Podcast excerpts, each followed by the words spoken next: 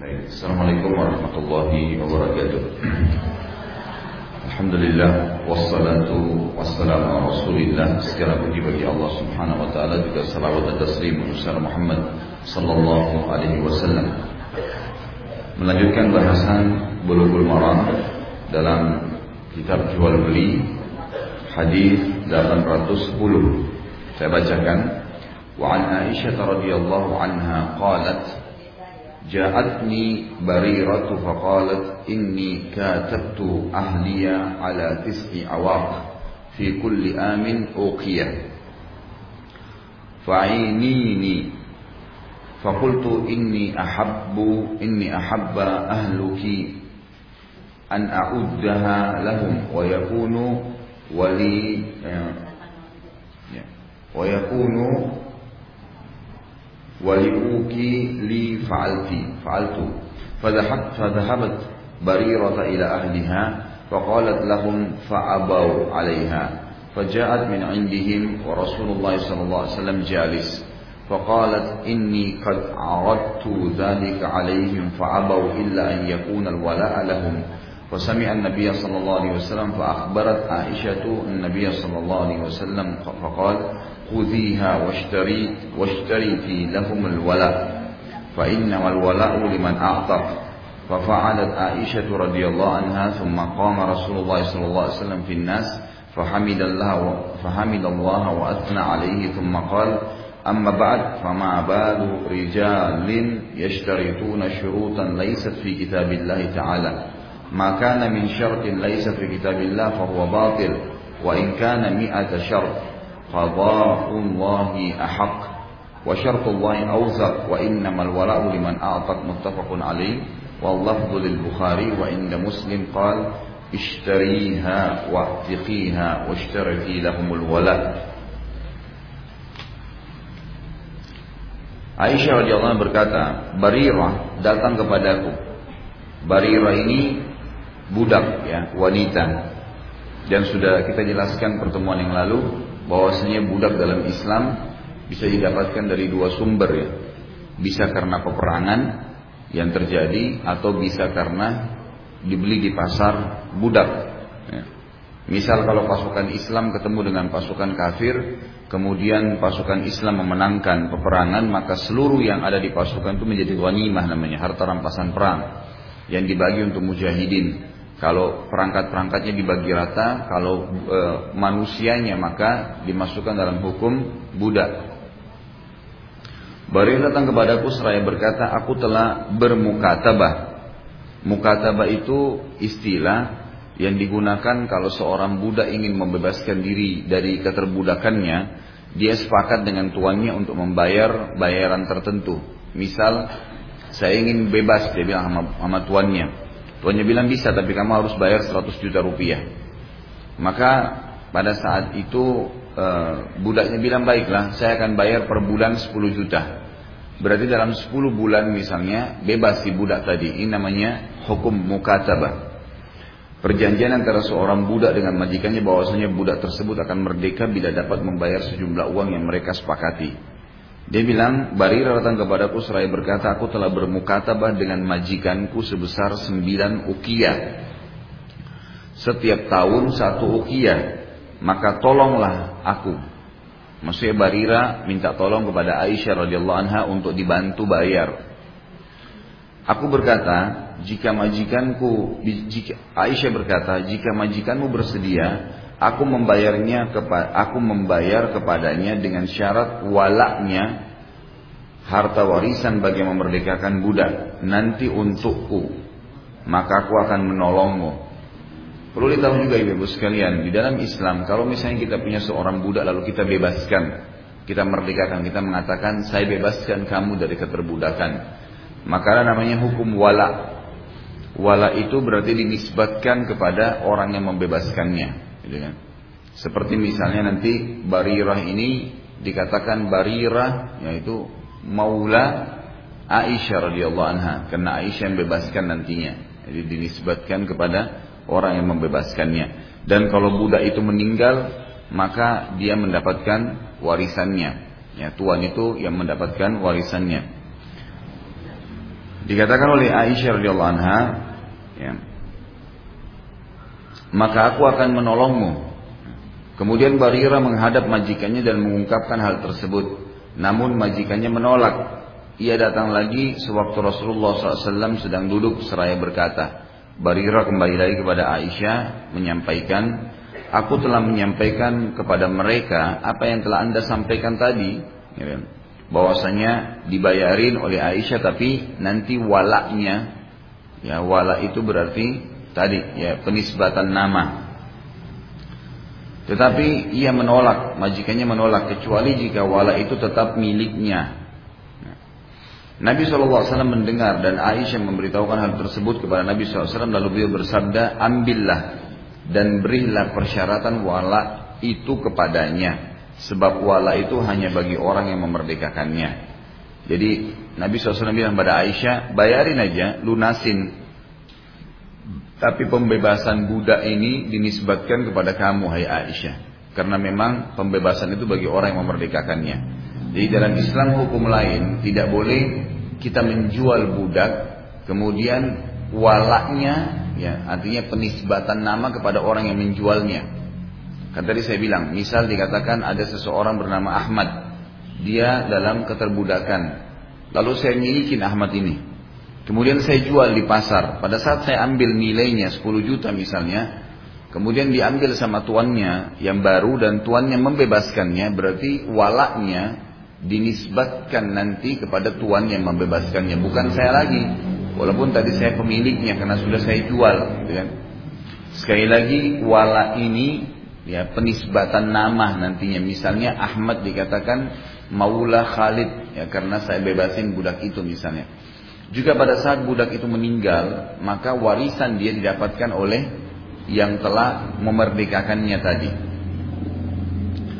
dikatakan sih lalu Aisyah melakukan hal tersebut kemudian Rasulullah SAW berdiri di hadapan orang-orang dan setelah memuji Allah dan menyanjungnya beliau bersabda amma ba'd ya, Maksudnya ini setelah ini, ya biasanya begitu kalau ceramah. Mengapa ada orang-orang yang memberikan persyaratan yang tidak ada dalam Al-Quran?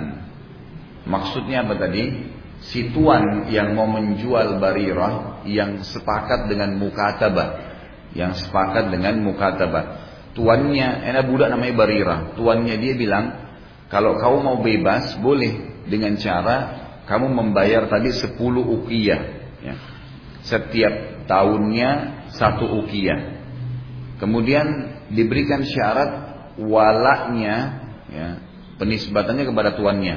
Lalu dia melapor kepada Aisyah, wahai Aisyah tolong bayarin saya nih. Kalau engkau bayarin saya yang sepuluh ukiyah, maka saya akan bebas. Kata Aisyah radhiallahu baiklah, boleh, tapi dengan syarat kalau saya bayarin kamu nanti walak kamu dinisbatkan kepada saya. Maka pergi ke tuannya, tuannya nggak setuju. Tuannya nggak setuju. Tuannya tetap mau walaupun sudah dibebasin, sudah dibayar, gitu kan. Tetap walaknya ke dia. Nah ini tidak ada dalam Al-Quran nih. Nggak boleh orang kalau sudah jual budaknya, kemudian dia mengambil lagi penisbatan walinya. Bisa ditangkap ya? Ya. Jadi di sini Nabi Shallallahu Alaihi Wasallam akhirnya menegur karena si tuannya tadi salah hukum nih. Dia mau jual budaknya, tapi tetap dia mau penisbatan budak ke dia, gitu kan? Dia tetap mau penisbatan budak dia. Nah, kalau penisbatan budak itu seperti misalnya ada budak seorang budak bernama Ahmad yang bebasin Muhammad, gitu kan? Maka nanti dibilang Ahmad Maula, ada istilah Maula Muhammad, gitu kan? Nah istilah Maula ini orang tahu, oh ini dulu budaknya si Muhammad nih. Dan kalau si budak meninggal warisannya jadi milik tuannya gitu kan. Milik yang membebaskan bukan tuannya lagi. Nah ini yang terjadi. Pada saat Barirah datang ke tuannya mengatakan Aisyah ingin bebasin saya Ummul Mukminin. Tapi walaknya itu ke Aisyah. Karena Aisyah bayarin. Tuannya nggak mau. Enggak. Kamu boleh bebas dibayar oleh Aisyah tapi tetap walaknya ke saya. Maka Nabi SAW menegur mengatakan, kenapa ada sebagian orang yang memberikan persyaratan yang tidak ada di dalam kitabullah Al-Quran. Maksudnya syarat tadi si tuan itu ya. Dia mau tetap walaknya, ya penisbatannya kepada dia. Padahal sudah dijual, sudah dibebasin budak itu. Ini juga pelajaran ibu-ibu sekalian, Nabi Muhammad SAW selalu kalau menegur, mengingatkan orang, itu adabnya beliau tidak menyebutkan namanya. Tidak menyebutkan namanya. Beliau tahu siapa tuannya Barirah nih yang sedang ditegur. Tapi beliau cuma mengatakan, kenapa ya? Ada sebagian orang yang menerapkan syarat dalam transaksinya yang tidak ada dalam Al-Quran. Setiap, setiap syarat yang tidak tercantum dalam Al-Quran adalah batil atau batal maksudnya. Walaupun seratus syarat. Ketetapan Allah itu lebih hak dan syarat yang ditetapkan Allah itu lebih kuat dan wala itu hanya bagi orang yang memerdekakannya. Hadis muttafaqun alaih dan lafadznya menurut riwayat Bukhari, menurut riwayat Imam Muslim, ini riwayat Imam Bukhari ya. Menurut riwayat Imam Muslim, belilah wahai Aisyah dan merdekakanlah serta berikan persyaratan wala kepadanya. Artinya kau akan menjadi wali. Yang kita bisa ambil pelajaran pertama dari hadis ini, ada hukum budak dalam Islam. Dan saya sudah bilang tadi sumbernya dari dua peperangan dan dibeli dari pasar. Umumnya budak ini memang didapatkan dari peperangan. Terjadi perang antara muslim sama kafir, kemudian menang orang Islam, semua yang ada di pasukan itu menjadi ghanimah, harta rampasan perang, termasuk pasukannya, perempuan atau laki-laki, itu menjadi prajurit atau yang ikut di perang diambil, dibagikan kepada mujahidin, menjadi budak mereka. Tentu di sini bukan cuma Islam ya, semua agama itu melakukan hal yang sama. Siapa pun yang tidak dikalahkan di medan perang dijadikan budak. Tetapi Islam memiliki hukum tersendiri dalam masalah ini. Seperti misal budak itu harus dididik, dimasukkan Islam, kemudian diperintahkan untuk dibebaskan. Dibebaskan, ya. Jadi kita seperti misalnya orang yang berhubungan siang hari suami istri, dendahnya itu membebasin budak. Kalau tidak ada baru puasa dua bulan berturut-turut, kalau tidak ada baru memberi makan 60 orang miskin. Jadi kita lihat di sini budak itu dalam Islam dalam hukum ada manfaatnya untuk kafarah membersihkan kesalahan yang sedang kita lakukan dibebasin dia pun bebas.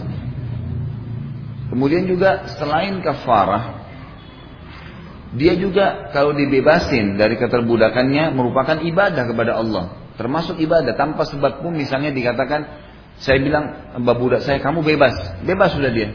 Dan itu sebuah ibadah. Itu sebuah ibadah. Jadi selalu diperintahkan seperti orang juga bersumpah bohong. Dia bilang demi Allah misalnya. Ya, demi Allah. Ternyata dia salah. Ya, ternyata dia salah. Kemudian bagaimana dendahnya? Dia harus bebasin budak atau berpuasa tiga hari berturut-turut atau memberikan makan dan pakaian sepuluh orang miskin, gitu kan?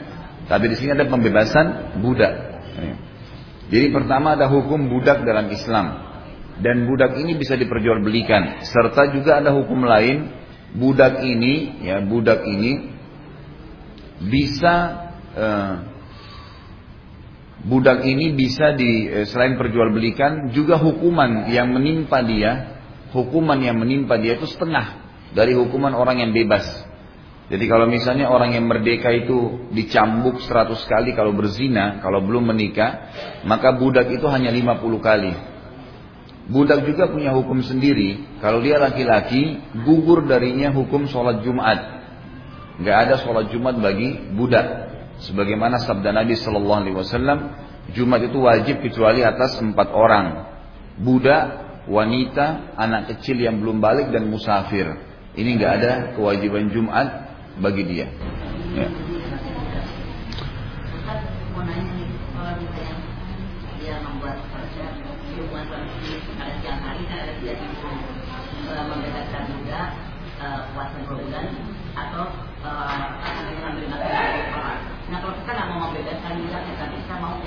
Nggak masalah, nggak masalah, nggak masalah. Ya. Jadi pelajaran pertama ada hukum budak dalam Islam, gitu kan? Tapi budak ini termasuk ya pahala pada saat membebaskannya dan ada beberapa hukum tadi berhubungan dengan itu. Kemudian yang kedua yang diambil dari hadis ini ada namanya hukum mukatabah.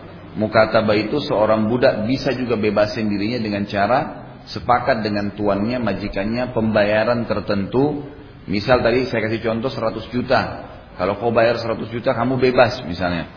Lalu si budak bilang, baik saya akan bekerja di satu tempat, saya akan bayar per bulannya 10 juta. Berarti 10 bulan bebas, merdeka. Ini namanya mukatabah.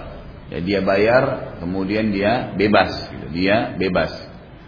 Kemudian juga pelajaran yang lain yang bisa diambil di sini nomor tiga adalah siapa pun yang memerdekakan budak maka penisbatan wala kepada dia. Apa itu wala? dinisbatin seperti dikatakan tadi maula ya maula ya artinya dia dulu bekas budaknya si fulan atau dia dimerdekakan oleh si fulan.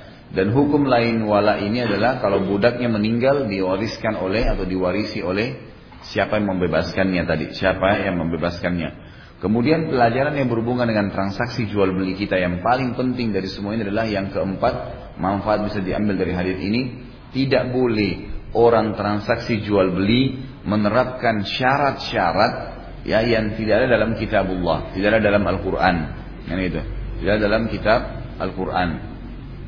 Seperti misalnya tadi Allah sudah bilang, Nabi SAW sudah bilang, kalau seandainya seseorang e, mau dinisbatkan wali kepada dia dari budak yang yang yang dia beli, itu dia harus bebasin dulu. Ini syaratnya Allah. Ternyata majikannya Barirah buat syarat yang lain. Enggak. Walaupun Aisyah bayar, tetap kamu ternisbatkan ke saya. Karena kalau budaknya mati, dia sudah dapat double nih tuannya Barirah.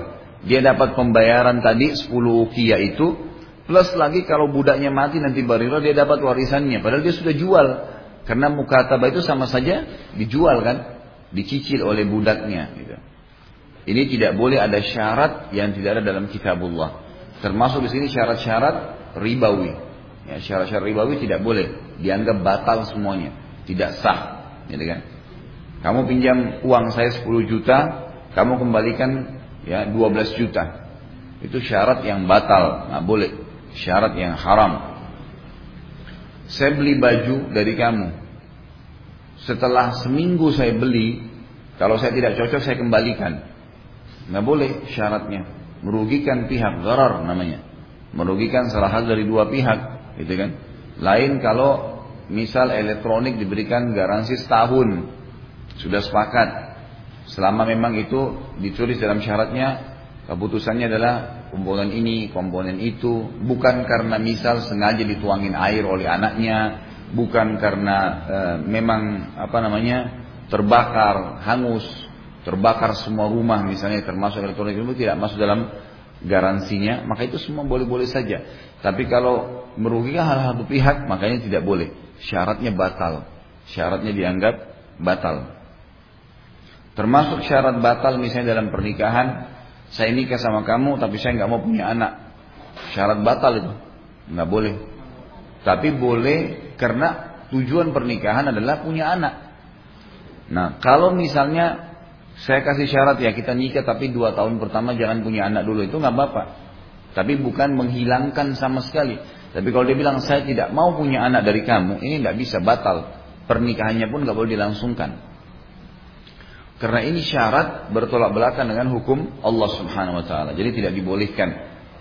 Makanya di sini sabda Nabi Shallallahu Alaihi Wasallam, kenapa ya ada sebagian orang yang menerapkan syarat dalam transaksi mereka yang tidak ada dalam kitab Allah atau Al-Quran. Kemudian juga termasuk pelajaran yang kita bisa ambil di sini adalah adab Nabi Shallallahu Alaihi Wasallam dalam mengingatkan orang. Jadi salah satu hal yang sangat luar biasa, Nabi Shallallahu Alaihi Wasallam itu tidak pernah menghardik secara langsung namanya orang. Banyak sekali kasus ya. Ini contoh satu. Jadi tuannya Barira, beliau tahu siapa namanya. Tapi dan orang itu salah. Tapi Nabi SAW bilang, kenapa ya ada orang yang menerapkan syarat yang tidak ada dalam kitabnya Allah? Dia tidak sebut namanya.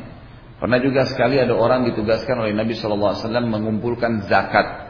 Ini sudah kita sebutin di bab zakat yang lalu ya. Dia uh, ditugaskan oleh Nabi SAW mengumpulin zakat, lalu dia keliling kumpulin zakat.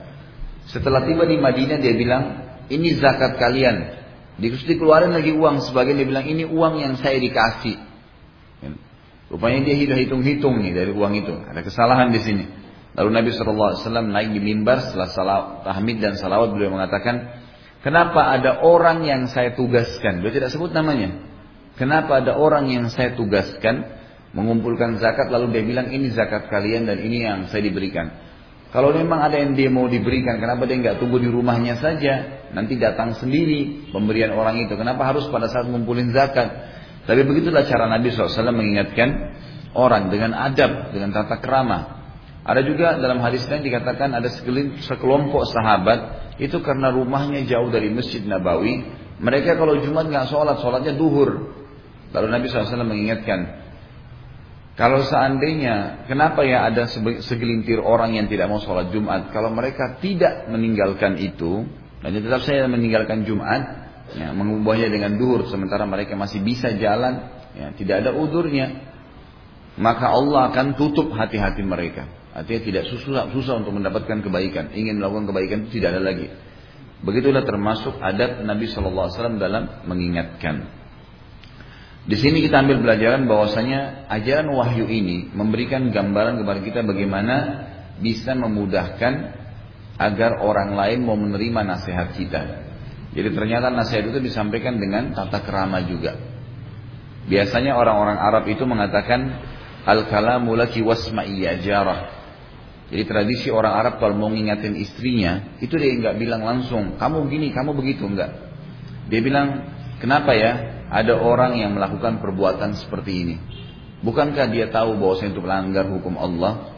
Jadi dengan adab sehingga pasangannya pun tahu kalau memang yang dimaksud adalah dia. Ya, jadi seakan-akan wahai istri tetangga dengarkanlah ya, ya, gitu. perkataan untukmu tapi teguran untuk istri tetangga apa? perkataan tertuju untukmu tapi kesannya menegur istri tetangga gitu. Ya. Itu dalam pepatah bahasa Arab ya terjemahannya.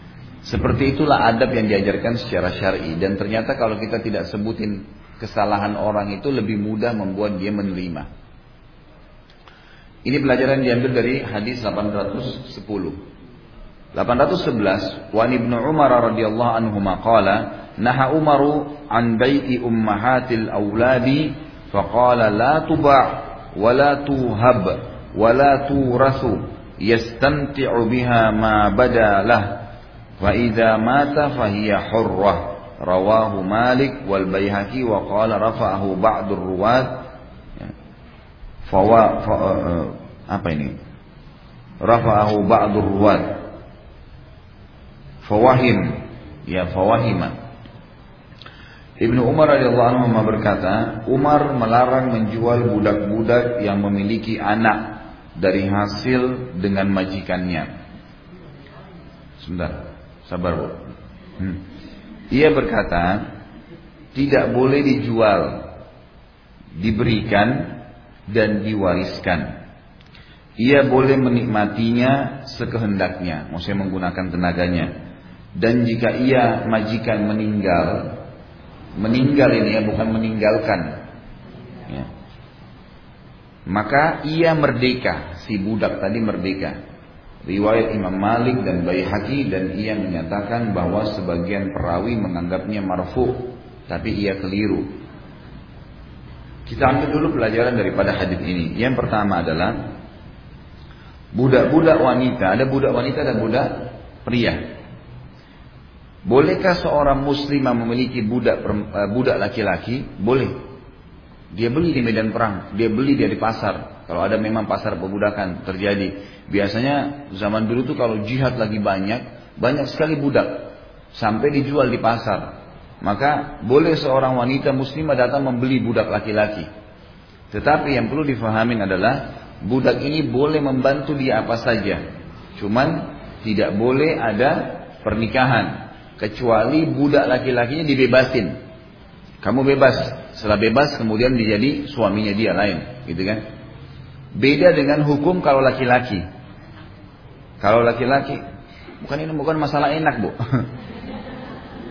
ini masalah hukum Allah. Enggak, kadang-kadang masalah sepele kita e, mengatakan sebuah kalimat takutnya nanti malah hukumnya Allah yang disorotin, gitu.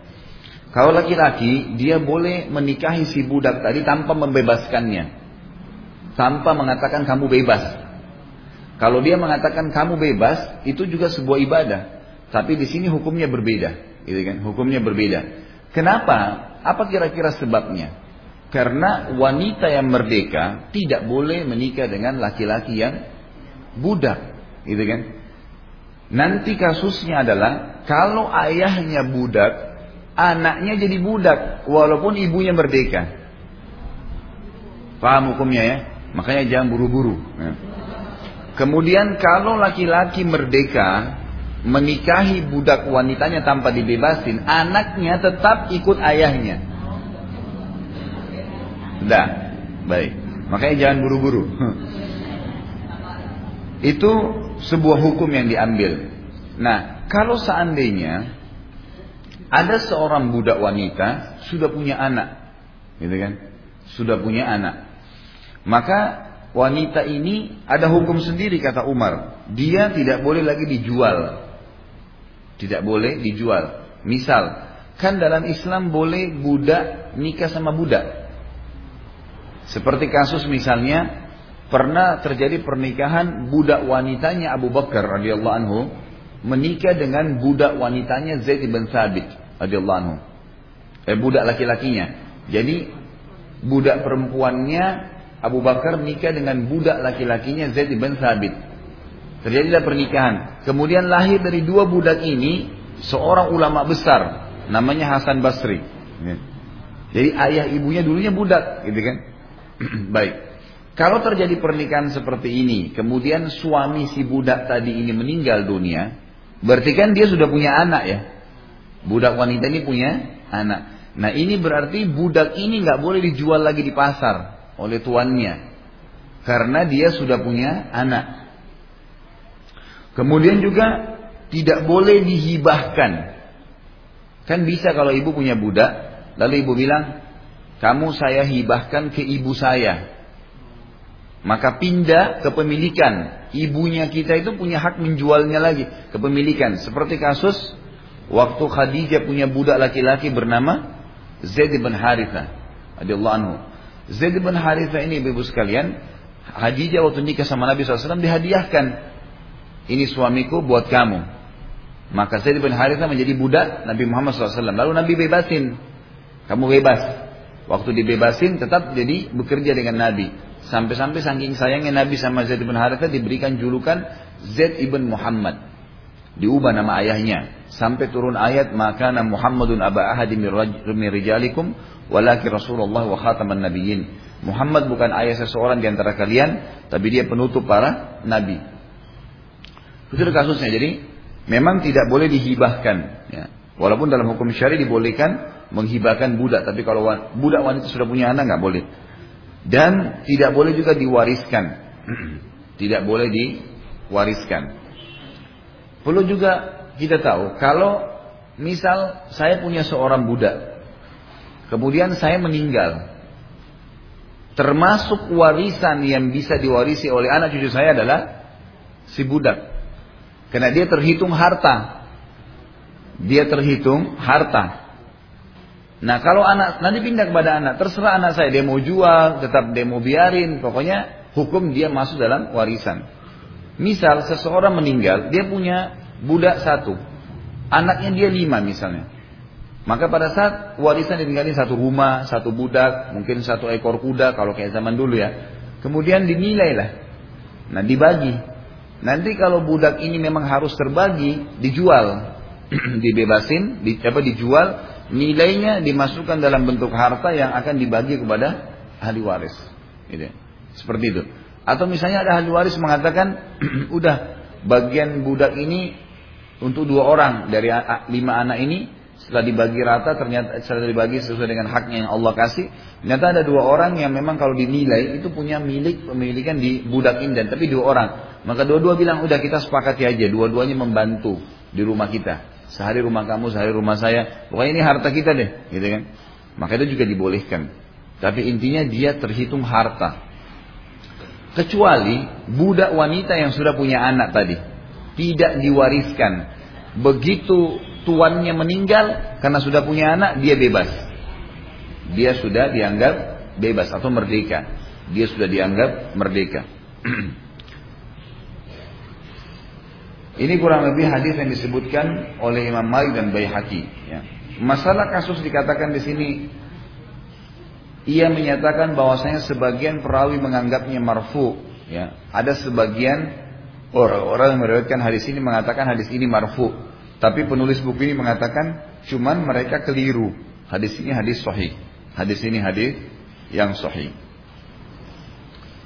812 wa an Jabir radhiyallahu anhu qal kunna nabi'u sarariyana ya sarariyana ummahatul aulad alaihi wasallam hayyun la yara bidzalika ba's rawahu an-nasa'i wa ibn majah wa darul qutni wa sahih ibn hibban Jabir berkata radhiyallahu anhu kami biasa menjual budak-budak wanita kami ibu dari anak-anak dan Nabi SAW masih hidup beliau tidak mempermasalahkannya. Riwayat Nasai bin Majah dan Darul Qutni hadis sahih menurut Ibnu Hibban. Di sini ulama coba mempertemukan antara hadis ini sama hadis sebelumnya. Karena kesannya kayak kontroversi ya. kesannya kontroversi. Kenapa kok Umar melarang tapi di zaman Nabi kesannya dia ya dibolehkan.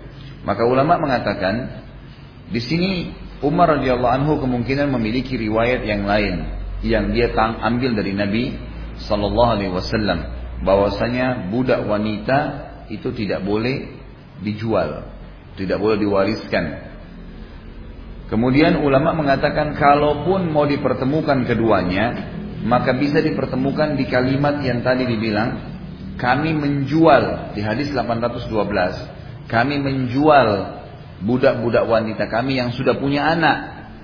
Tapi di sini kasusnya adalah masalah penjualan ya penjualan saja di hadis tadi yang sebelumnya itu penjualan pemberian ya dan mewariskannya.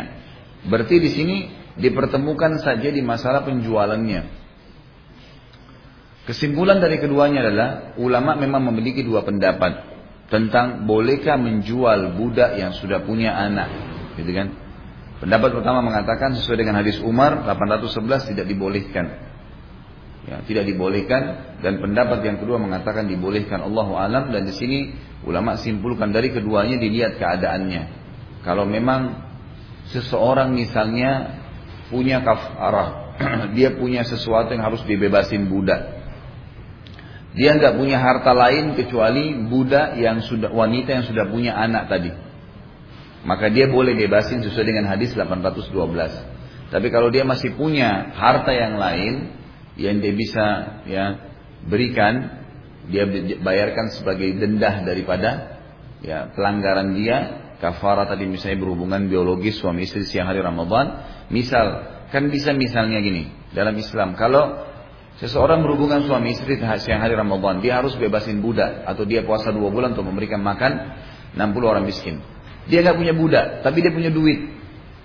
Dia ke pasar ada budak dijual, dibeli sama dia, lalu kemudian dibebasin. Walaupun dia tidak punya budak, gitu kan. Dia boleh saja, sebagaimana orang kalau punya hewan kurban, dia boleh membeli hewan kemudian langsung dikurbanin. Boleh juga seperti yang sahabat sering kerjain. Mereka punya peternakan. Diambil saja dari ternak peternakan dia untuk disembelih. Nah, seperti itu gambarannya. Baik. Kita masuk ke hadis 813. Ini masalah budak sudah selesai ya. Dipahamin ya. Baik kita masuk 813 ini lain lagi, transaksi yang lain lagi. Wa an Jabir bin Abdullah qal naha Rasulullah sallallahu alaihi wasallam an bai'i fadlil ma rawahu Muslim wa zada fi riwayah wa an bai'i dirabil jamal Jabir bin Abdullah radhiyallahu berkata, Rasulullah SAW melarang menjual sisa kelebihan air. Riwayat Muslim dalam suatu riwayat ia menambahkan dan mengupahkan persetubuhan unta jantan. Hadis ini memberikan gambaran kepada kita tentang tidak bolehnya menjual kelebihan air. Maksudnya kelebihan air ini, misal masjid ini punya keran air, Kemudian memang umumnya dipakai untuk jemaah. Ada orang sengaja mengambil air dijual sama dia dari sini. Itu nggak boleh. Karena air ini dasarnya memang sudah difasilitasi untuk umum. Dia nggak boleh mengambil kelebihan air yang tidak dipakai untuk wudhu dijual. Gitu kan? Itu tidak boleh. Karena memang ini dianggap fasilitas umum. Lain kalau kayak orang jual air mineral, itu lain. Memang dia mengeluarkan investasi dana, dia perbaiki, memang tingkatkan kualitasnya, disaring. Itu beda, bukan itu yang dimaksud. Tapi seperti tadi lah, kurang lebih memang sudah merupakan fasilitas umum kemudian ya diambil.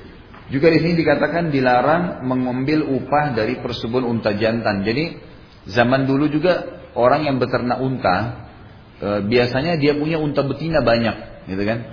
Mungkin ada 100 ekor, unta jantannya cuma satu atau dua ekor. Dia butuh unta jantan yang lain untuk menggauli unta betinanya supaya punya banyak keturunan. Maka dia menyewa unta jantan lain untuk dimasukkan ke peternakan dia supaya menggauli jantan uh, unta-unta betinanya. Nah ini upahnya nggak boleh nih dalam Islam. Tidak dibolehkan. Jadi seperti membeli spermanya, gitu kan. Maka ini tidak dibolehkan sebagaimana tadi tidak dibolehkan untuk menjual kelebihan air. Ini. Kemudian hadis 814 Wa Ibnu Umar radhiyallahu anhu qala nah Rasulullah sallallahu alaihi wasallam an aslil fahl. Rawahu al-Bukhari Ibnu Umar berkata radhiyallahu anhu bahwasanya Rasulullah SAW melarang mengupahkan persetubuhan binatang jantan. Riwayat Imam Bukhari. Hadis 814 lebih umum. Lebih umum. Misal ayam jantan kambing jantan tetap saja semua hukumnya sama tidak dibolehkan gitu kan? Jadi kalau misalnya saya butuh dengan kambing jantan ya dibeli. Atau memang kalau orang itu pun punya jantan dia cuma sekedar memberikan saja. Jadi cuma meminjamkan saja tidak ada upah. Nggak boleh dibayar di sini. Enggak enggak itu lain lagi enggak enggak masuk dalam bab itu.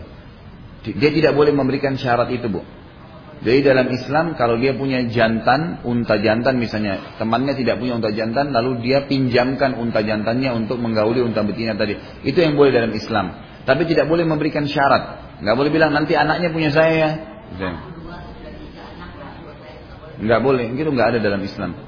Jadi memang betul-betul murni dia hanya memberikan karena memang dasarnya unta ini punya potensi dari Allah untuk itu, gitu kan? Dia nggak punya hak untuk menjualnya mengambil upah dari situ ya, mengambil upah. Ini beda, ini kan karena berhubungan dengan masalah pembibitan tadi. Beda kalau seseorang menyewakan untanya untuk ditunggangin, kayak kita sewain mobil, itu lain. Itu lain, gitu kan? Seperti itu gambarannya. Diriwayatkan oleh Imam Bukhari. Di sini bisa dilihat footnote nomor satu. Asab al-fahl adalah sperma jantan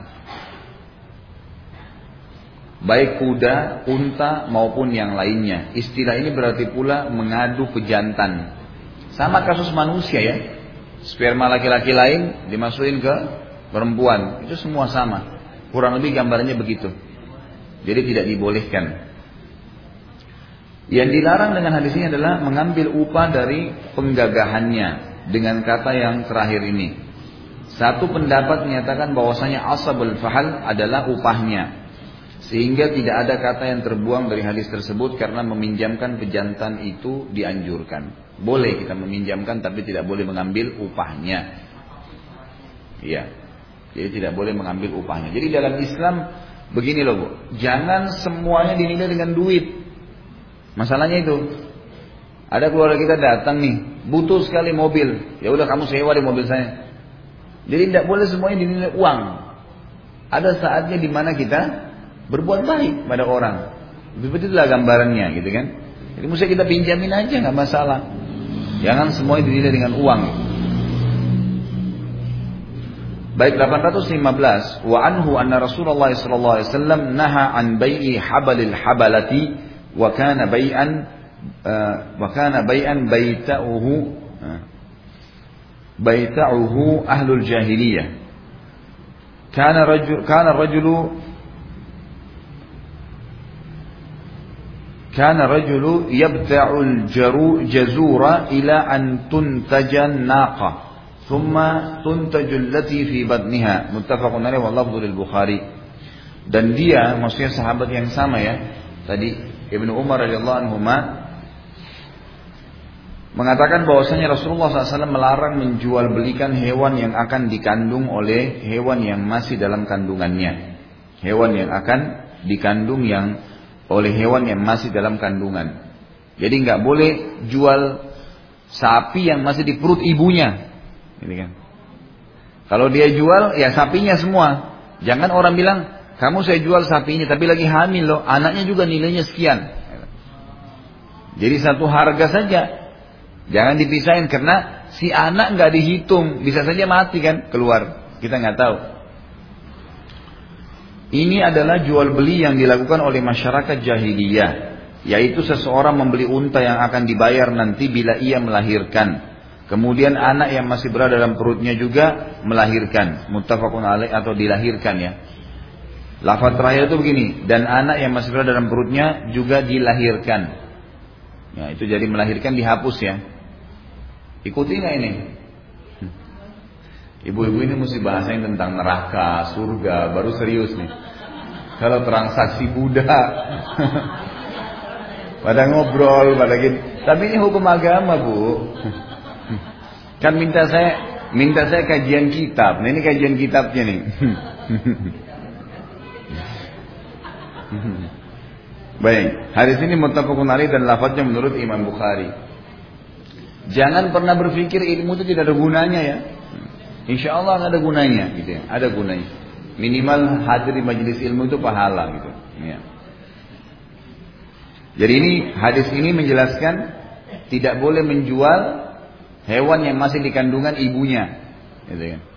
Hadis ini menjelaskan masalah itu. Ya. Kecuali kalau sudah lahir Baru ibu punya nilai, anaknya punya nilai. Misal ibu sapi punya nilai, anak yang baru lahir walaupun masih bayi sapi juga punya nilai, nggak apa-apa. Tapi kalau masih dalam kandungan ibunya nggak boleh.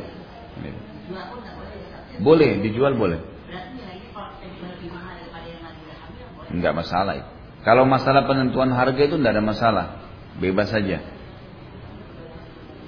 Kecuali kalau misal produk itu sudah ditentukan oleh perusahaannya, Misal kita menjadi dealer berobat produk tertentu nih.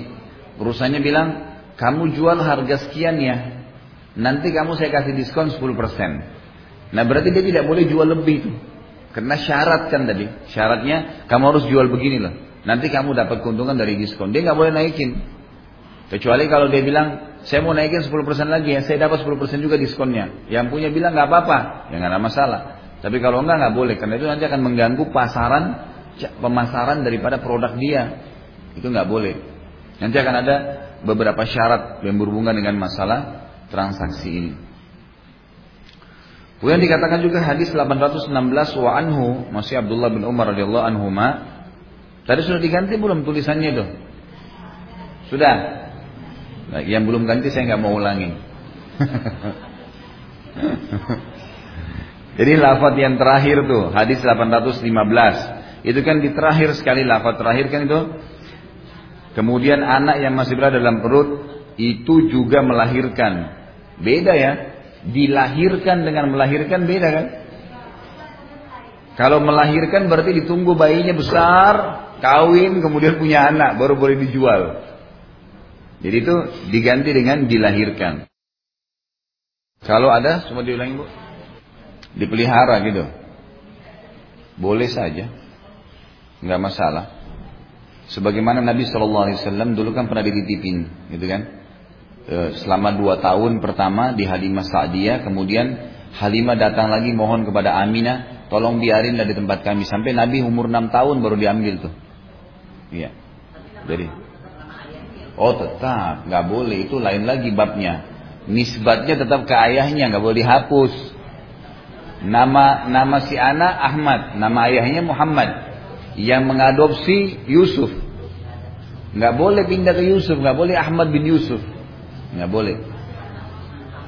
Ya, pernah sekali ada orang bertanya pada saya, ternyata dia kaya raya suami istri kan, cuma nggak punya anak, nggak punya anak, pengen sekali punya anak, berapa kali ikhtiar nggak pernah, Allah belum kasih lah. Akhirnya sebelum dia meninggal, semoga Allah maafkan gitu, tidak tahu gimana caranya. Kemudian dia dapat anak. Ada anak rupanya ada seorang ibu nggak ngerti. Saya ceritanya sih simpang siur. ibu itu rumahnya butuh duit, anaknya dijual.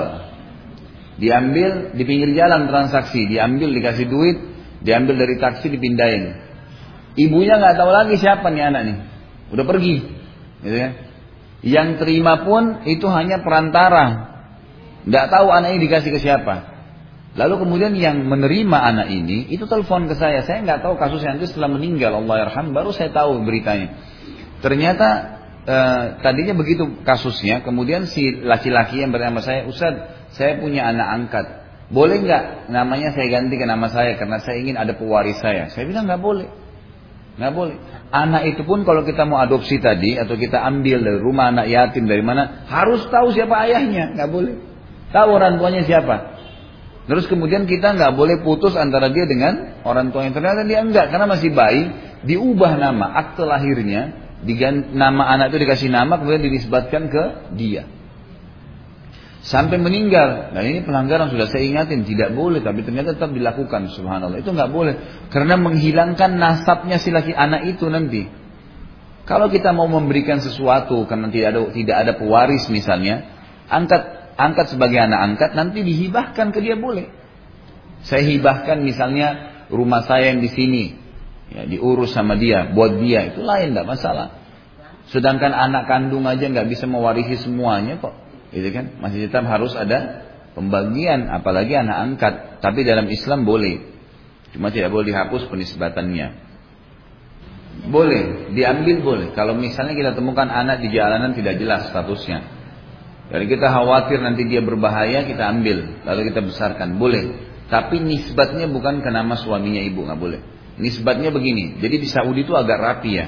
Di Saudi itu ada lembaga dibentuk oleh kerajaan Saudi khusus kantor mengurus yang begini nih. Kalau ada anak hasil zina, ada anak tergeletak di jalan, tidak tahu siapa orang tuanya, ini tidak jelas ya.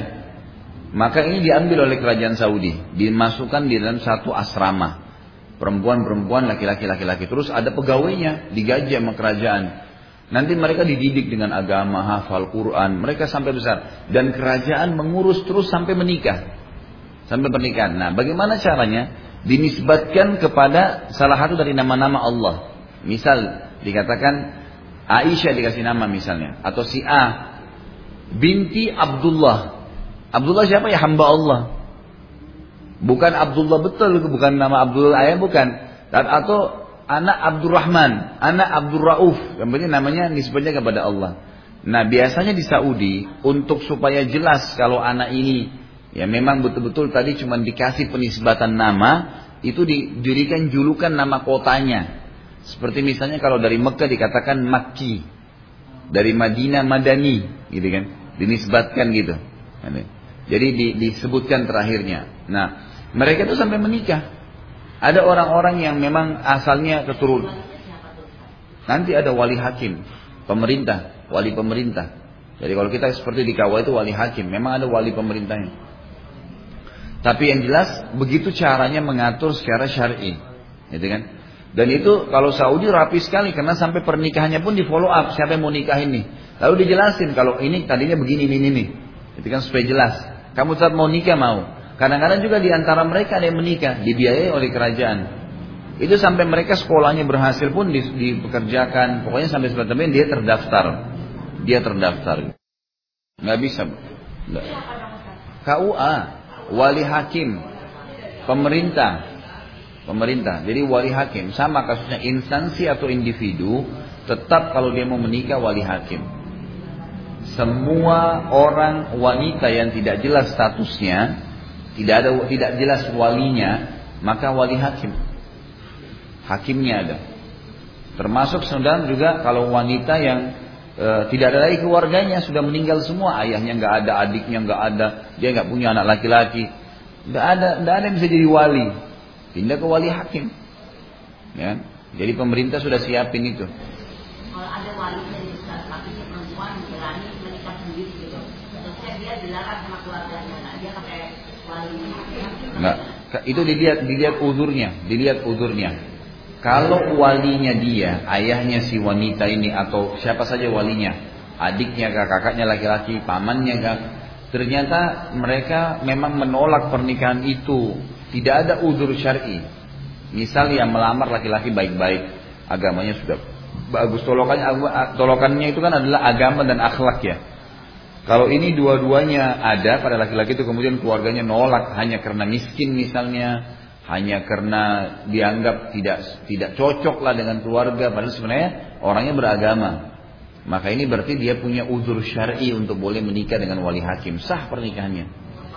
Tapi jadi saya ini perempuan mau laki-laki itu menjadi keduanya. Sementara si keluarga itu nggak mau. Nggak boleh, itu bukan udur keluarga. Karena si perempuan punya hak. Dia punya hak memilih siapa suaminya. Mau jadi istri kedua, mau istri ketiga itu hak dia. Nggak boleh. Loh iya, nggak ada masalah. Pertanyaan benar, cuman tidak boleh. Jadi keluarga tidak boleh mencampuri. Dan perlu ditahu satu hal juga ya. Wali itu adalah ayah kandung. Ibu-ibu perlu tahu ya, dalam masalah pernikahan, garis bawah ini, dalam masalah pernikahan anak tidak boleh ibu ikut campur. Garis bawah itu ya. Ayahnya masalah khidmah, khidmah itu gini. Ibu minta air, nak ambilin air. Suami ibu juga bilang, nak ambilin air. Anak itu wajibnya mendahulukan ibu. Khidmah. Nak beliin saya ini, ayahnya juga bilang beliin ini, dia boleh dahulukan ibunya. Tapi dalam pernikahan tidak boleh. Ibu perhatikan ya, karena di Jakarta ini banyak Indonesia kasus nih. Ayahnya nggak setuju, nggak usah ibunya didekatin sama si laki-laki tadi supaya mengiyakan. Akhirnya terjadi pernikahan dengan cara paksa, nggak sah. Perhatikan nggak sah. Kecuali memang ada udur syar'i. Memang betul-betul si ayah nolak, padahal orang ini baik, agamanya baik, akalnya baik itu lain. Tapi kalau ibunya ngotot ini banyak terlibat begitu. Ingat kata Nabi Shallallahu Alaihi Wasallam, perempuan mana pun menikahkan dirinya tanpa izin walinya, ridon walinya, ayahnya, maka nikahnya batal, batal, batal. Tiga kali Nabi bilang, nggak boleh. Makanya ibu jangan ikut campur, berikan masukan ke suami boleh, tapi dia yang punya hak mutlak di situ. Masalah memberikan nafkah, penentuan nafkah, masalah kewalihan pernikahan dan masalah izin keluar rumah itu suami, ayahnya. Jangan ibu campur di poin itu sama sekali.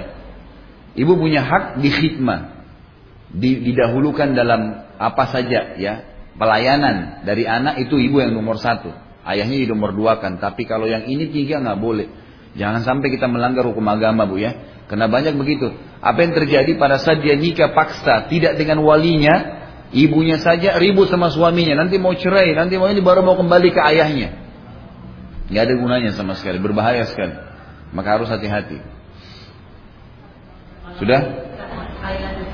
Kalau gini, apa namanya ini si perempuan itu kalau tahu dari keluarga, bapaknya udah meninggal, tapi dia punya kakak laki, tapi dia ada perempuan.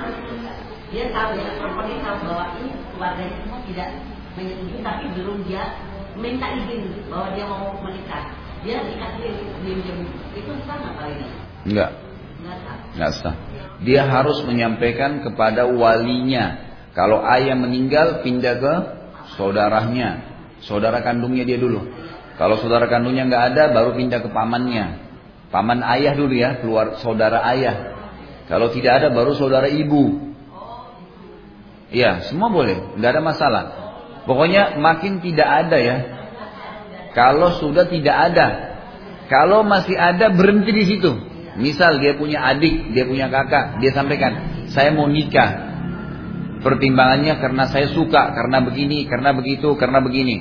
Baik, kalau si walinya bilang kamu akan jadi wali saya, baik saya setuju ya udah, nggak masalah. Tapi kalau dia bilang saya nggak setuju karena saya nggak suka orangnya, tapi orang ini beragama loh, begini, begini, begini, dia nggak mau. Mungkin karena si adik ini ada masalah dengan si laki-laki tadi, maka berarti sudah ada udur syari. Dia nolak bukan dengan alasan yang benar, boleh pindah ke wali hakim. Tapi kalau belum nanya keluarganya tiba-tiba nikah dari mana sahnya? Dia masih punya wali.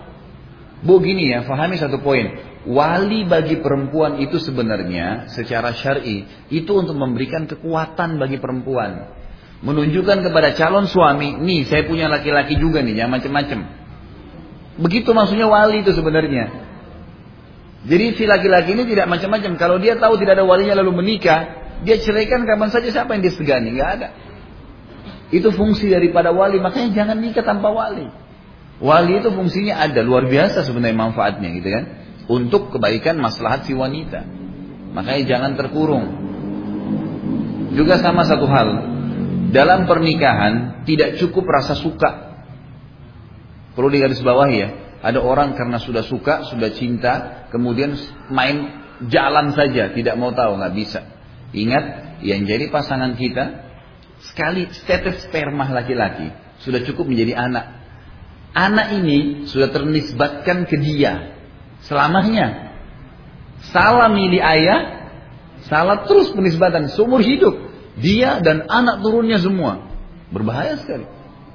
Salah pilih ibu, status sperma masuk jadi anak, dia jadi ibunya selamanya. Nggak boleh sembarangan nih. Makanya kata Nabi SAW, takhayyaru. Pilih tempat kalian taruh benih kalian. Nggak boleh sembarangan. Benar-benar seorang ibu yang salehah, benar-benar seorang ayah yang saleh. Karena nanti pasti interaksi dengan anak. Berapa banyak ibu-ibu pengajian pernah bilang sama saya, Ustaz, saya ajar anak saya gini, anak gini. Tapi suami saya, suami saya ajarin yang lain. Coba kira-kira apa yang saya mau jawab? Sudah keliru ibu dari awal nikahnya. Nyarinya orang yang nggak mau sholat.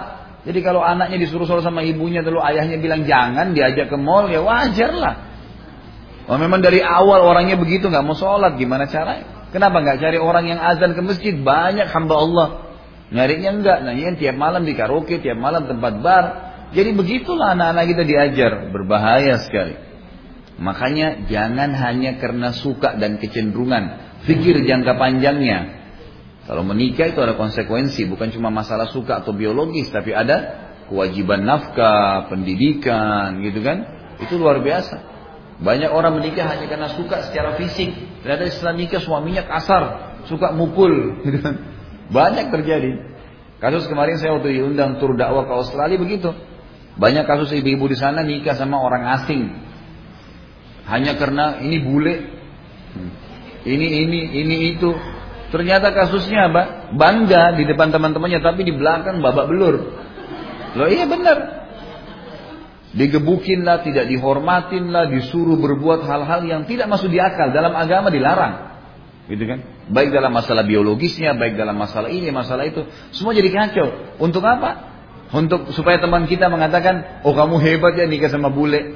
Bu, pujian itu, pujian orang hanya sepanjang lidahnya. Kamu cantik ya, selesai. Cuma sepanjang lidahnya itu. Kamu hebat ya, cuma sepanjang lidahnya. Jangan itu yang kita perebutkan. Setelah dia pergi, pergilah dia bersama pujiannya. Nanti ketemu lagi baru dipuji lagi. Sepanjang lidah lagi. Apa yang mau diambil? Gak boleh. Kita harus punya prinsip dasar dalam hidup kita. Yang saya rasa cocok, maka saya tentukan. Dan ingat, prinsip itu dasarnya adalah bendera di atas kepala kita. Islam. Agama kita simbolnya. Mau makan, mau minum, mau bergaul, mau menikah, mau ekonomi, mau politik. Islam boleh enggak? Boleh jalanin. Tidak, jangan. Pasti ini simbol dan ini bendera ini dari Allah. Pasti benar. Gak mungkin tidak. Maka ikutin itu. Pasti kita akan aman. Beranjak dari begini. Sebentar loh. Saya ingin mengajarkan ibu-ibu untuk menunjukkan prinsip dulu. Saya misal masuk ke rumah makan sama teman-teman saya. Rumah makan itu terkenal dengan nasi gorengnya. Kemudian begitu masuk, kok tiba-tiba saya pengen mie goreng ya. Misal, teman-teman semua ayo makan nasi goreng sini enak. Tapi hati kita pengen sekali mie goreng. Ya udah tunjukin prinsip. Saya mau pesan mie goreng. Kenapa gini-gini? Saya lagi pengen sih. Nanti lain kali saya makan nasi goreng. Mereka goda apa pun, enggak. Saya mau mie goreng, enggak apa-apa. Ini sederhana contoh ya, mulai dari makanan. Orang yang begini punya prinsip, tanpa dia harus menghina orang lain ya. Nanti dia nggak mudah goyah itu bu, nggak mudah pelimplang. Nanti kalau orang lurus dia lurus, orang kalau nakal nakal, nggak bisa, karena nggak punya prinsip, nggak bisa. Harus punya prinsip. Apa yang baik, yang baik untuk kita, maslahatnya, gitu kan? Maka itu juga simbolnya adalah agama tadi, nggak boleh terbawa arus, berbahaya ini. Nanti kita akan pelimplang.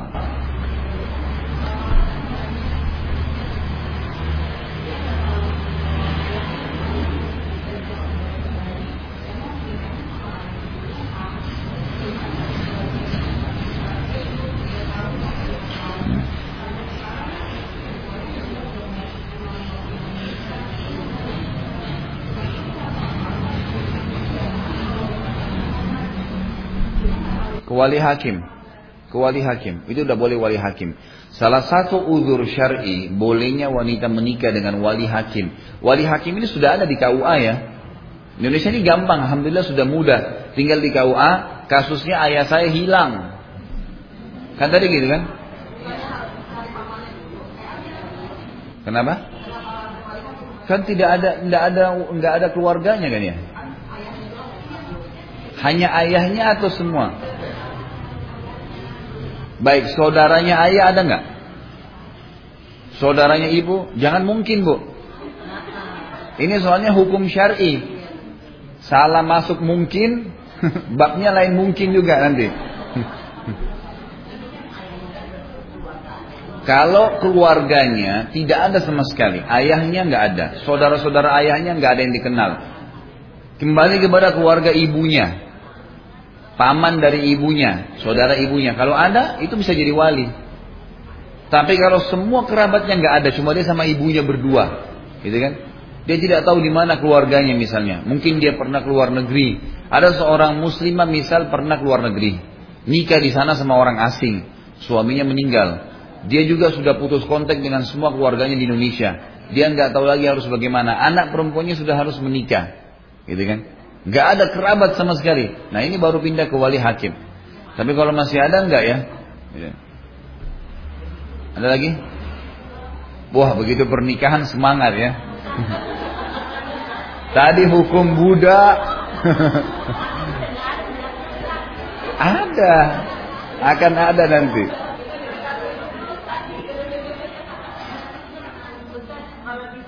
Sebentar Bu, lagi ada yang bertanya, maaf. Iya. Ada anak kenapa?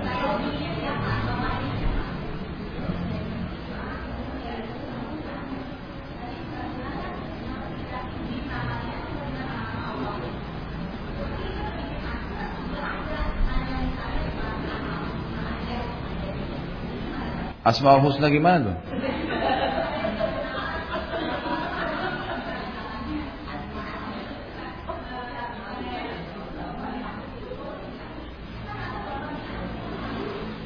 Enggak, kalau secara hukum syar'i dinisbatkan ke nama Allah.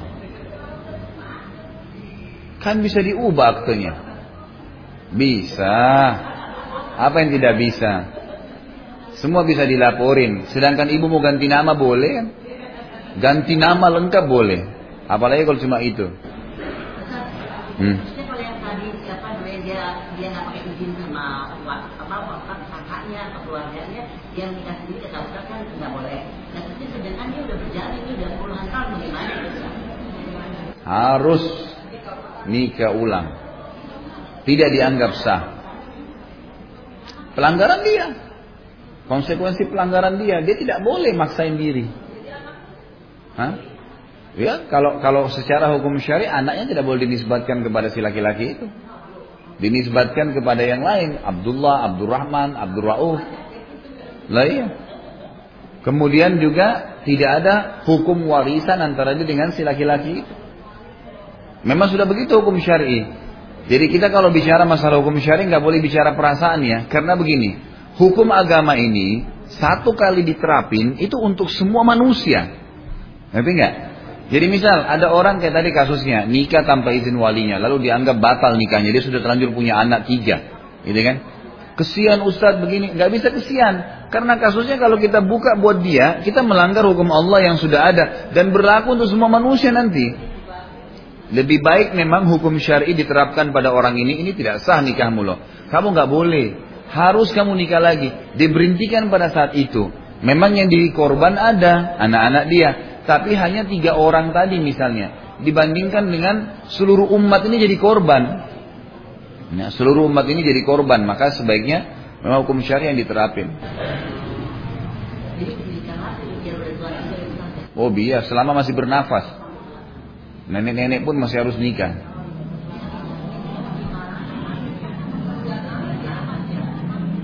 Makanya saya bilang jangan bawa perasaan. Dari saya bilang-bilang tuh ya, jangan bawa perasaan. Karena kalau kita bawa perasaan, kesian amat, amat tadi atau apa saja, nanti akhirnya kita menerapkan sebuah hukum buat dia. Ini ingat ya, kalau diterapkan satu hukum agama, untuk semua umat ini berlaku. Satu ini nanti dibolehkan kita melanggar hukum Allah dan akan berlaku terjadi lagi pada yang lain. Enggak, ini satu ini salah, batal. Anaknya memang tidak ada warisan, titik. Tapi kan setelah itu selesai. Sekian juta umat selamat dari pelanggaran yang sama. Gitu. Kalau enggak maka masalah seluruh umat nih masalahnya. Enggak bisa. Sekarang seorang mencuri, kesian, nggak usah dipotong tangannya, nggak bisa tangkap, potong supaya yang lainnya nggak mau mencuri. Dibuka dimaafin, yang lainnya mencuri, itu sana dimaafin, masa saya enggak? Nah kan jadi masalah. Nggak bisa, hukum berlaku. Nggak boleh, begitulah hukum Allah Subhanahu Wa Taala. Ya, wali hakim. Baru, jadi dua kali wali hakim Nggak ada masalah. Karena wali hakim yang pertama kan belum izin kakaknya itu tidak dianggap sah. Kecuali tadi kakaknya punya, dia punya udur syar'i kakaknya nolak.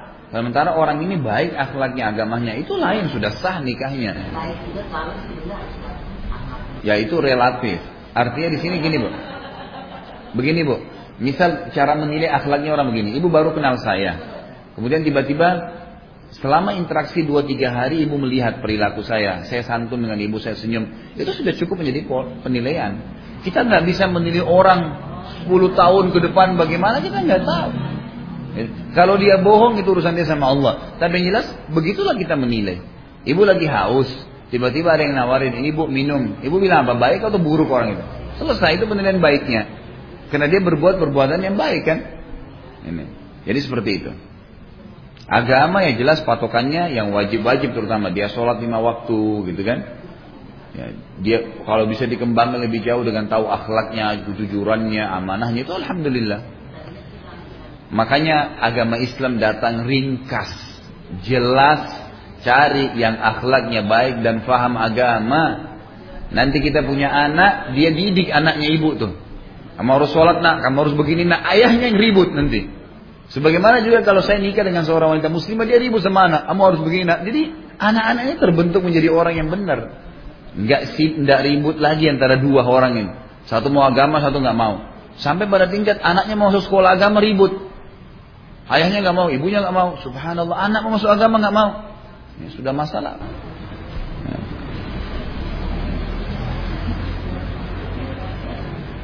Kalau ayahnya pindah agama, nisbatnya tetap aja. Nggak berubah nisbat. Misal ada seseorang muallaf memberikan nama dia Yusuf menikah dengan seorang wanita namanya Aisyah. Terus punya anak dikasih nama Muhammad. Berjalan waktu si Yusuf ini murtad. Tinggalin agama Islam. Apakah si Muhammad anak tetap dikatakan Muhammad bin Yusuf? Jawabannya iya. Karena Abu Bakar itu, Abu Bakar namanya dia Abdullah. Nama ayahnya Abi Kuhafa. Walaupun Abu Bakar sudah masuk Islam, ayahnya meninggal dalam keadaan kafir, tetap Abdullah bin Abi Kuhafa. Umar bin Khattab, Khattab itu kafir, ayahnya beliau. Tapi tetap namanya Umar bin Khattab. Utsman bin Affan, Affan itu kafir. Ayahnya tetap Utsman bin Affan. Ali bin Abi Talib, Abi Talib kafir. Tetap Ali bin Abi Talib. Muhammad SAW bin Abdullah, Abdullah meninggal dalam keadaan kafir. Tapi dikatakan tetap Muhammad bin Abdullah. Jadi penisbatan tetap. Ya. Sudah? Mau berkurban terus atas nama orang yang sudah meninggal terus ya. Jadi masalah berkurban untuk keluarga yang sudah meninggal masih khilaf di antara ulama, boleh atau tidaknya. Ada pendapat pertama yang mengatakan tidak boleh lagi berkurban untuk orang yang sudah meninggal. Ada yang mengatakan boleh. Yang mengatakan tidak boleh itu karena mereka bilang tidak ada hadis yang menjelaskan tentang bolehnya berkurban untuk orang mati, gitu kan? Yang mengatakan boleh mengambil dari umumnya lafaz waktu Nabi SAW menyembelih seekor kambing, beliau mengatakan ini untukku dan keluargaku serta umatku yang belum menyembelih. Kan gitu. Lafaz hadis ini yang membuktikan memberikan penjelasan bahwasanya Nabi menyembelih satu ekor domba itu untuk beliau, keluarganya dan umatnya yang belum menyembelih. Ulama yang mengatakan boleh menyembelih untuk orang mati, di sini berarti masuk juga umatnya Nabi Muhammad SAW yang sudah meninggal walaupun ya e, di sini bukan cuma yang hidup tapi yang sudah meninggal juga masuk dalam konsekuensi hadis. Jadi ada yang mengatakan boleh daripada hadis ini. Seperti itu gambarannya. Baik pertanyaannya sekarang, kalau orang anak mau menyembelih untuk ayahnya yang sudah meninggal, Kalau kita berpegang pada pendapat kedua berarti dibolehkan, gitu kan? Kemudian apakah dia juga tetap harus berkurban, gitu ya? Satu ekor lagi berarti dua ekor, gitu kan? Jawabannya iya. Jawabannya iya. Iya. Kalau dia tidak mampu kecuali satu, gitu kan? Maka dia kurban untuk dirinya sendiri. Gak usah kurban buat orang tuanya. Dalam hal ibadah kita harus mendahulukan diri kita ya. Dalam hal ibadah dahulukan diri kita. Kecuali kalau memang kita sudah mengerjakannya itu lain. Kan gitu. Datang musim umroh. Saya ingin umroh. Tapi ternyata ada juga tetangga saya mau umroh. Saya sudah pernah umroh lima tahun yang lalu. Apakah saya umroh lagi atau saya kasih tangga saya umroh aja lagi? Gak apa? Karena pada saat yang dibicarakan adalah pada saat sedang ada kesempatan.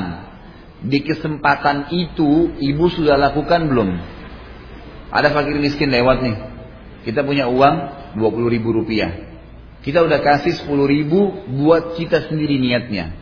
Ada lebih 10 ribu baru boleh diniatkan untuk orang tua kita. Gitu kan? Karena kita sudah lakukan buat diri kita. Loh, saya sudah pernah bantu kok fakir miskin ini tahun lalu. Itu tahun lalu. Pada saat sekarang lain. Kesempatan kurban. Tahun lalu saya sudah kurban buat diri saya. Tahun ini saya kurban buat orang tua saya bisa nggak? Bisa. Tapi tetap didahulukan diri kita karena perintahnya memang pada setiap tahun itu. Ya kan? Berarti kalau kita buat orang tua kita tahun ini, kita berarti nggak dapat pahala dong tahun ini, kan gitu bahasanya. Mesti dia dahulukan diri dia. Demo untuk orang tuanya ya dana yang lain, nggak apa-apa, gitu kan? Jelas ya? Ya. Bu jelas. Iya, karena ibu punya kewajiban. Jadi pada saat tiba Idul Adha, kalau seseorang itu memiliki kelebihan dana, dia mampu beli kambing. Kemudian dia pada saat itu punya kewajiban kurban karena dia sudah dihitung mampu pada saat itu ya. Kemudian dia mau kurban buat orang tuanya ya, dia juga harus kurban buat dia keluarkan lain lagi. Karena dihitung dia punya kemampuan. Gitu kan? Seperti itu. Ada lagi? hasil umroh dan haji dari hasil deposito. Kalau uang dia, uang dia, uang pokok yang dia pakai, gitu kan, nggak ada masalah. Tapi kalau dia pakai dari bunga bank, nggak boleh, karena riba. Nggak, pokoknya jangan dia ambil dari hasil bunganya. Ibu nabung nih buat haji, buka di rekening bank, nabung sekian, sekian, sekian. Ternyata Itu sebaiknya jangan. Kalau dia paksain di bank konvensional nanti berarti ada konsekuensi itu kan. Baik, makanya saya jelasin, ibu jangan cut dulu. Sekarang pada saat saya nabung di bank konvensional untuk haji. Saya nabung nih, nabung terus. Terkumpullah untuk pergi haji tapi kurang 10 juta. Ternyata uang yang saya tabung selama ini ada bunganya 10 juta. Gitu kan? Cukup kalau saya tarik bunganya, melengkapin saya haji. Boleh kah? Jawabannya nggak boleh. Nggak boleh karena uang ini dasarnya tidak boleh. Uang yang hasil riba tidak boleh dipakai. Kalau dia cuma sekedar nabung, uangnya sampai terkumpul jumlah yang harus kita haji, dia tidak hubungkan dengan bunga yang dia ambil, itu lain. Boleh saja. Boleh saja. Iya, lain. Ini kan bicaranya bank konvensional. Kalau bank syariah memang dia pakai sebagai hasil, silahkan saja. Apa itu? Gak usah disentuh, bu. Gak usah diambil. Bukan tidak bisa. Jadi ulama mengatakan bunga bank konvensional itu boleh dikeluarkan untuk fasilitas umum jalan yang rusak, penggalian sumur, buat jembatan, WC umum, itu dibolehkan, tapi dengan keadaan satu. Memang e, dana itu sangat besar, bunga itu sangat besar. Yang dalam arti kata memang kalau kita tidak ambil bisa disalahgunakan oleh pemilik bank. Misal ada pemilik bank orang Nasrani, dia punya e, kita punya rekening di situ misalnya miliaran, bunganya setiap bulan sekian juta misalnya yang kalau tidak diambil bisa dipakai sumbangin gereja, nah itu lain, gitu kan? Tapi kalau bunganya tidak seberapa, maka tidak perlu. Jangan sentuh, tidak usah pikir. Lebih aman lagi pindah ke bank syariah, lebih aman lagi. Dan gunakan konvensional dalam keadaan darurat. Darurat. Misal tidak ada lagi di kota saya bank kecuali bank ini, itu lain. Atau misalnya memang darurat, kita memang merasa ada fasilitas yang bisa saya pakai, ya sudah. Tapi, nah iya, sebatas itu saja ya. Jangan jadi target, enggak. Yang mau nabung cari di bank syariah, nabung di sana. Ini cuma sekedar untuk transfer, untuk ini. Kalau emang fasilitasnya tidak ada, kan gitu. Seperti sekarang e, fasilitas perbankan syariah kan masih belum sehebat bank konvensional. Maka pada saat mau digunakan fasilitasnya bisa saja. Masih umum ulama mengatakan masih dibolehkan. Tapi dia tidak terlibat dalam masalah bunga-bunganya itu. Cuma jangan jadi target ya. Jangan betul-betul tidak ada rekening di bank syariah. Dia tidak ada sama sekali. Nabung pun kita semua biarin di sini. Maka ini yang mesti dibahas, mesti dipindahin ya. Gitu gambaran. Ya betul di sini bu.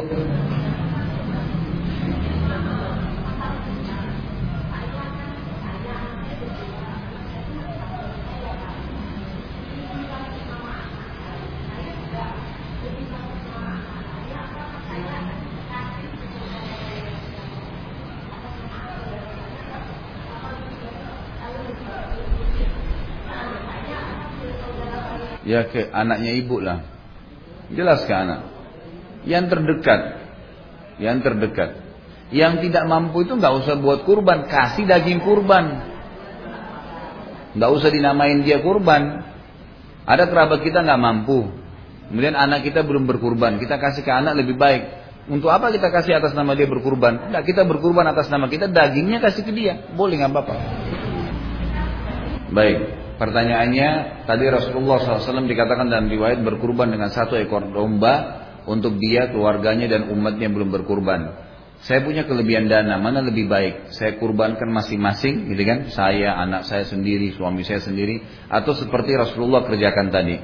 Perlu ibu tahu dulu, yang Rasulullah SAW kerjakan dari satu ekor domba disembeli untuk semua, itu kata ulama untuk menunjukkan bolehnya dikerjakan seperti itu bagi orang yang tidak mampu. Kenapa? Karena dalam hadis lain disebutkan Nabi SAW berkurban di sisi lainnya 63 ekor domba atas nama diri beliau sendiri. Semua itu 63 ekor atas nama diri beliau sendiri dan beliau sembeli dengan tangannya itu 15 ekor, sisanya Ali bin Abi Thalib yang lanjutkan, gitu kan? Berarti di sini afdalnya adalah masing-masing sendiri, gitu kan? Bahkan dianjurkan bisa lebih. Saya waktu khutbah tahun lalu kalau nggak salah sebelum Idul Adha di sini Al Musyawarah ada khutbah Jumat. Kebetulan ada satu rupanya yang hadir di situ dengarin khutbah saya. Kalau Rasulullah SAW berkurban dengan 65 ekor domba. Gitu. Setelah seminggu kemudian, setelah Idul Adha saya ditelepon sama panitia Ustaz, Ustaz khutbah itu hari ada satu bapak langsung praktekin. Beli kurban sendiri atas nama dia semua gitu. Alhamdulillah, itu termasuk yang baik gitu kan, yang masuk yang baik. Jadi lebih awal satu orang, satu kambing dan bisa lebih daripada kita gabungkan. Gabungkan itu bagi orang yang tidak punya kemampuan. Sudah? Bukan satu kambing itu atas beberapa nama bagi orang yang tidak mampu. Misal ada seorang laki-laki dia punya istri, punya anak tiga. Istri anaknya bergantung dengan gaji dia misalnya. Dia cuma mampu beli satu ekor kambing. Boleh satu kambing untuk nama keluarganya nggak ada masalah. Sudah? Baik. Sampai di mana tadi nih? 816 tadi ya. Baik, kita tutup dengan 816. Wa anhu radhiyallahu anhu anna Rasulullah sallallahu alaihi wasallam an uh, naha an bai'il wala'i wa an hibatihi muttafaqun alaih.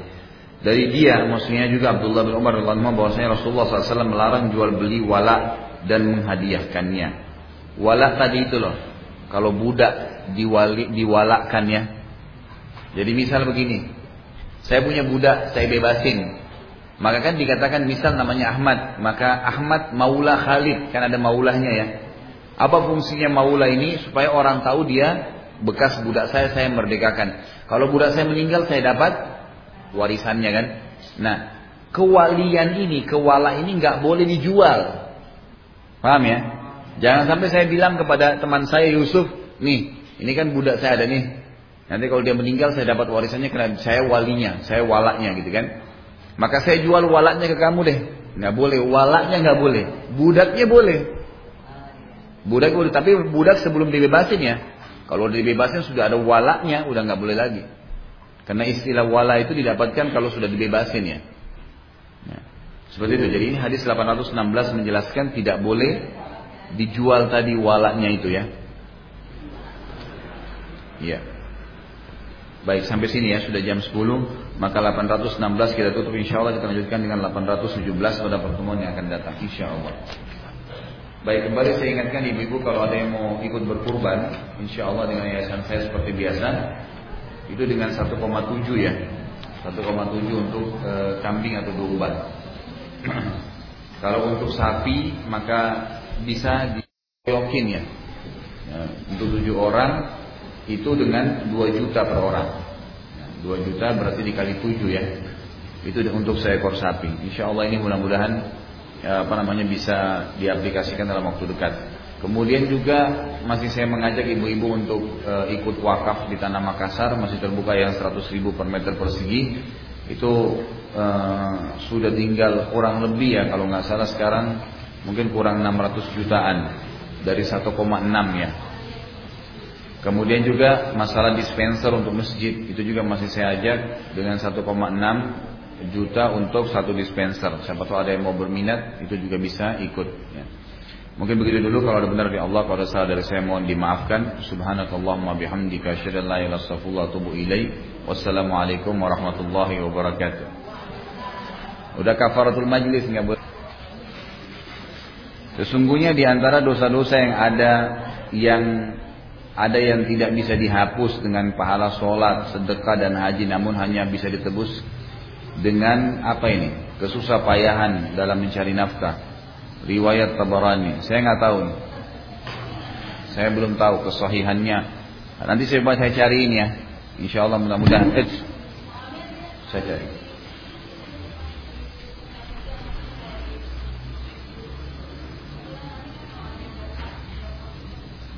Ya ini harus di, dicari tahu dulu. E, terus terang saya nggak punya bukunya Tabarani ini. Tabarani ada bukunya sendiri ya. Saya tidak punya buku beliau tapi nanti coba saya share, saya cari. Insya Allah mudah-mudahan. Kalau yang saya tahu itu memang ada dosa-dosa yang tidak bisa diampuni dengan tidak cukup diampuni dengan istighfar. Lalu Allah uji dia dengan penyakit, dengan penyakit. Itu bisa ada. Tapi kalau ini saya nggak tahu. Apakah sedekah hanya diperuntukkan ke orang miskin? Kalau kita memberi sesuatu kepada orang kaya walaupun hanya sekedar makanan, apakah itu dihitung sedekah? Ataukah itu bisa dikatakan berbagi saja? Apakah istilah sedekah hanya untuk orang yang tidak mampu? Enggak, semuanya. Sedekah itu orang kaya pun dikasih makan sedekah. Enggak ada urusannya itu.